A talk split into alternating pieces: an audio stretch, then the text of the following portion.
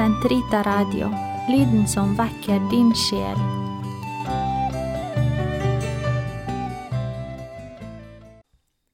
I Faderens og Sønnens og Den hellige ånds navn.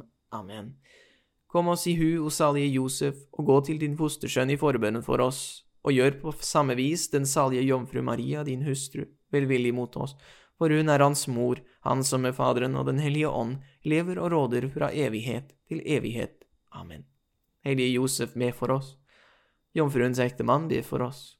Kristi årvåkne forsvarer, be for oss. Den hellige kirkes vokter, be for oss. I Faderens og Sønnens og Den hellige ånds navn. Amen. Velkommen til andre episode av denne serien om Sankt Josef. Nå, eh, Forrige gang så snakket vi om Josef i Bibelen, og vi begynner å nærme oss eh, begynnelsen på den nye pakt, så vi fortsetter der. I det hele tatt, som vi snakket om, så, er, så har Josef eh, Abrahams tro, Davids kjærlighet, eh, Salomos visdom og alle patriarkenes velsignelser, dyder og ære oppsamles i Josef. For han er en arving av dem alle sammen, og i Bibelen er velsignelser noe som går i arv. Derav vi, ser vi også hvorfor han har navnet Josef, for i ham er summen av all nåden gitt i den gamle pakt. Han er av kongsett, han er av Davids hus og ett, en kongssønn, hvis fostersønn var kongenes konge, og løven av Judas ett. Josefs ettertavle oppgis i Matteus og Lukas evangelier som Kristi ettertavle. Matteus forteller oss at Josef er etterkommer av Abraham, Isak, Jakob, Juda, David, Salomo, Josia og hele Israels kongeett. Han er absolutt ikke av lav byrd, selv om han er eh, ydmyk, og han er heller ikke avsides og, og uviktig som om han bare har en, en liten rolle å spille i, i, inkarnasjonen, selv om det ofte avbildes slik. Nei, Israels trone er hans rettmessige arv, og det var på grunn av bortførelsen i Babylon blant annet at Davids ett ble støtt ned av tronen. Josefs ett er veldig viktig, som vi skal få se, for det er gjennom Josef, ikke gjennom Maria, at Jesus rettmessig blir Davids sønn og Abrahams ettling, som var forutsagt om Messias. Nå står vi på skillet mellom den gamle og den nye pakt, for Josef er sannelig del av dem begge to. Slik som forfatteren av The Life and Glories of St. Joseph skriver, slik vi etter en lang og mørk natt Først skimter morgengryets hvite lys, etterfulgt av den rosenrøde soloppgangen som fører inn den strålende solen. På dette vis, etter den lange og forferdelige forførelses- og fordervelsesnatten som lå over hedningenes verden, sto Josef fram som det tidlige morgengryet, og etter Josef kom Maria, som er den himmelske soloppgang, hun som fødte Jesus, den sanne og evige rettferdighetens sol. Oversettelsen fra engelsk er min egen. Og da er det naturlig å forklare hvordan Gud forberedte denne store helgenen, dette morgengryet, eh, på sin oppgave som Gud Faderens stedfortreder, han som Guds sønn skulle kalle far og adlyde som sin far. Vi vet at Maria eh, ved Guds godhet ble unnfanget uten arvesyndens plett. Ingen annen helgen har mottatt dette privilegiet, men det er flere helgener som har blitt helliggjort i mors liv, det vil si, de ble født i arvesynd ulik Maria, men snart etter, eh, snart etter dette rettferdiggjorde eh, Gud dem i mors liv ved sin nåde og løste dem fra arvesyndens lenker. Vi vet at dette skjedde med Johannes døperen, det står det om i Lukas evangeliet. Helt fra mors liv skal han være fylt av Den hellige ånd, står det i Lukas første kapittel, eh, vers 15. Vi vet, vi vet det også om den hellige profeten Jeremia. Det står, Før jeg formet deg i mors liv, kjente jeg deg, og før du ble født, helliget jeg deg. Til profet for folkene satte jeg deg. Det er Jeremia kapittel 1 vers 5. Hvis dette privilegiet ble gitt til helgener med mindre viktige oppgaver enn Josef, og her sier jeg på ingen måte at Johannes døperens eh, og Jeremias oppgaver ikke var store, men jeg sier at Josef var større. Hvis, eh, hvis dette ble gitt til dem, hvordan kunne vi nekte eh, å tro at Josef også ble gitt dette privilegiet? Selv om det ikke står eksplisitt i Bibelen, så kan det eh, antas fra ordet rettferdig, at han var rettferdig. Prinsippet i teologien er at Gud alltid utstyrer en person til å utføre de oppgaver han har kalt ham til. Dersom Maria skulle være Guds mor, måtte de nådegaver og dyder hun ble utstyrt med, være Guds mor verdig, og hvis Josef skulle være Guds mors ektemann og Guds sønns fosterfar, måtte han gis nåde som tilsvarte dette enestående kallet. Denne helliggjørelsen i mors liv, sannsynligvis rett etter hans unnfangelse, var den første gaven Josef ble gitt. Dette kjølnet alle onde begjær i ham, så han bestandig hadde kontroll på sine følelser og lyster, og aldri ble revet med i overdrevent sinne eller i noen form for lyst. Videre var Josef av en ett som lot Messias-profetien oppfylles i hans familie, og det er den andre gaven han mottok. Josef er, som vi sa, han som knytter Jesus til Davids ett. Dette er fordi avstamning blir regnet, i hvert fall hos jødene på den tiden, gjennom fedrene. Selv om Maria også var av Judas stamme, slik at Jesus har kongelig avstamning både på sin fosterfars og på sin mors side, er det på sin rettslige fars side at han får kongsrett. For at den lovmessige kongsretten og arven skulle tilhøre Jesus, så måtte han fødes inn i et gyldig ekteskap hvor faren i den familien var av Davids hus og ett. Og vi vet at moren til Messias måtte være og forbli jomfru, og det gjaldt selvsagt vår frue. Dette betyr at Josef og Maria må ha vært virkelig gift før Jesu unnfangelse, altså før engelen Gabriel kom til Maria.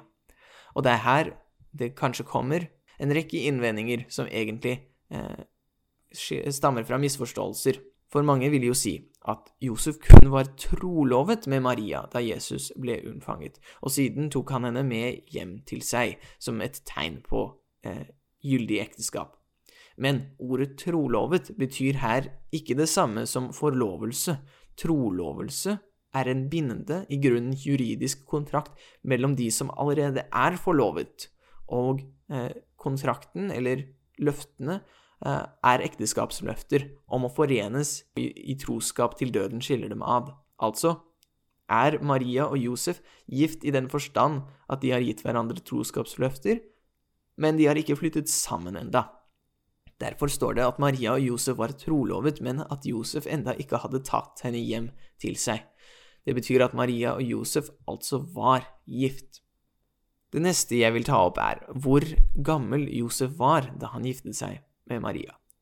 Dette, er, eh, dette spørsmålet er det ikke uh, noe ettertrykkelig svar på, uh, men vi har noen spor.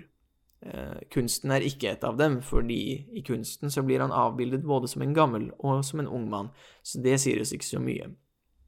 Men grunnen til at han sies å være gammel, for altså det er bevis på at han er gammel, kommer fra teologien i Østkirken som ønsket å forsvare Marias jomfruelighet ved å si at Jesu brødre og søstre, altså som nevnes i evangeliet, kommer av Josefs tidligere ekteskap, og, det, og slik bevares Marias jomfruelighet. Jeg skal ikke bruke mye tid på å besvare dette, denne kritikken, fordi det er, så, det er så grunnleggende for oss, så jeg sier bare at denne, denne, utfordringen enkelt kan løses på andre måter, og at det ikke krever at Josef var en 90 år gammel mann, um, slik han fremstilles.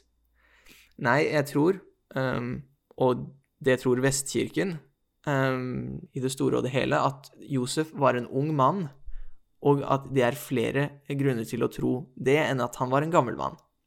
For det første, Josef var utvalgt fra evighet av til å være fosterfar for Guds sønn og Guds mors ektemann. Hans liv skulle handle om dette kallet. Det gir ikke mening at han holdt på med noe helt annet for eh, mesteparten av livet sitt før han endelig fikk utøve dette kallet. For det andre måtte Josef være ung og sterk nok til å ta med eh, Maria og Jesus eh, til, til Egypt da de flyktet, og til Betlehem, som ikke hadde vært lett om han var gammel. For det tredje, og dette fører videre til neste punkt, som, som handler om Josefs kyskhet, så er det den generelle oppfatningen at Josef var eh, jomfruelig, altså at han aldri var gift før han giftet seg med Maria, akkurat sånn som, sånn som sin hustru og som sin fostersønn. Det sier mange av kirkefedrene, for eksempel Sankt Athanasius i øst, Sankt Jeronimus i vest, det var han som oversatte Bibelen til latin, og de store teologene Sankt Thomas Aquinas, Sankt Peter Damian og Sankt Frans av Sales. Jeg har ikke tid til å sitere dem alle sammen, men jeg trekker frem det som Thomas Aquinas skriver om Maria. Han skriver etter å ha giftet seg avla hun et kyskhetsløfte sammen med sin ektemann. Mer enn det sier han ikke, for ham er det så selvsagt. Josef var av denne grunn trolig en yngre mann. Husk at Josef skulle gifte seg med den mest måteholdne og beskjedne, men samtidig vakreste kvinnen noensinne. Josef kunne ikke ha hatt et hint av syndig begjær for sin plettfrie hustru. Han er Josef den kyske og blir gitt av Gud en engleaktig renhet og da er det ikke trolig at han gift, var gift før han giftet seg med Maria. Og når det gjelder å bevare Marias verdighet, er det også trolig at Maria var hans første og eneste kone. Særlig når vi husker at Josef var helliggjort fra unnfangelsen av, er dette lett å, å forstå. Josef kalles også, nå går vi videre eh, til eh, en annen av Josefs dyder. Josef kalles av evangeliet en rettferdig mann og dette tolkes av Sankt Hieronymus, som nevnt tidligere, og mange andre som at han ble gitt fylden av dydene i perfekt grad. Han er den største uh, og, mest uh, nåderike helgenen nest etter Maria, ifølge uh, tradisjon. Rettferd betyr å gi til enhver det de fortjener, både Gud og menneske. Gud fortjener all vår tilbedelse, underkastelse, lydighet, ære og kjærlighet. Våre medmennesker fortjener forskjellige ting, avhengig av vårt forhold til dem. Foreldre fortjener fullstendig aktelse sine, fra sine barn. Barn fortjener omsorg fra sine foreldre. En eh, kone fortjener kjærlighet og mildhet fra sin ektemann. En ektemann fortjener kjærlighet og lydighet fra sin kone. En hersker fortjener lovlydighet fra sine undersåtter. Og en undersått fortjener forsvar og godhet fra sin hersker. Som Guds skapning som sine foreldres sønn, som sin fostersønns far, som sin hustrus ektemann, som sin families overhode, og som borger, utførte og overholdt Josef alle sine plikter og ansvar uten å kreve noe igjen, men tvert imot å gi tilbake mer enn han skyldte. Han var rettferdig, eller rettskaffen. Denne rettferden hjelper oss øh, å forstå Josefs reaksjon når han ser at Maria er med barn. Han ville skille seg fra henne i stillhet. Eh, Josef var en rettferdig mann, eh, og Josef var barmhjertig. For hvis han hadde gjort det kjent at Maria var med barn som ikke var hans, eh, så skulle hun under Moseloven steines.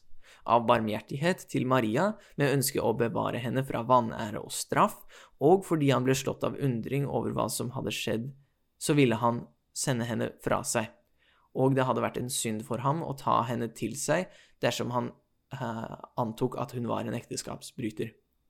Maria var jo en viet jomfru, men her var hun likevel med barn. Josef ville ikke bryte loven ved å ta Maria hjem til seg etter at hun tilsynelatende hadde brukt, brutt ekteskapet, men han ville heller ikke få henne straffet.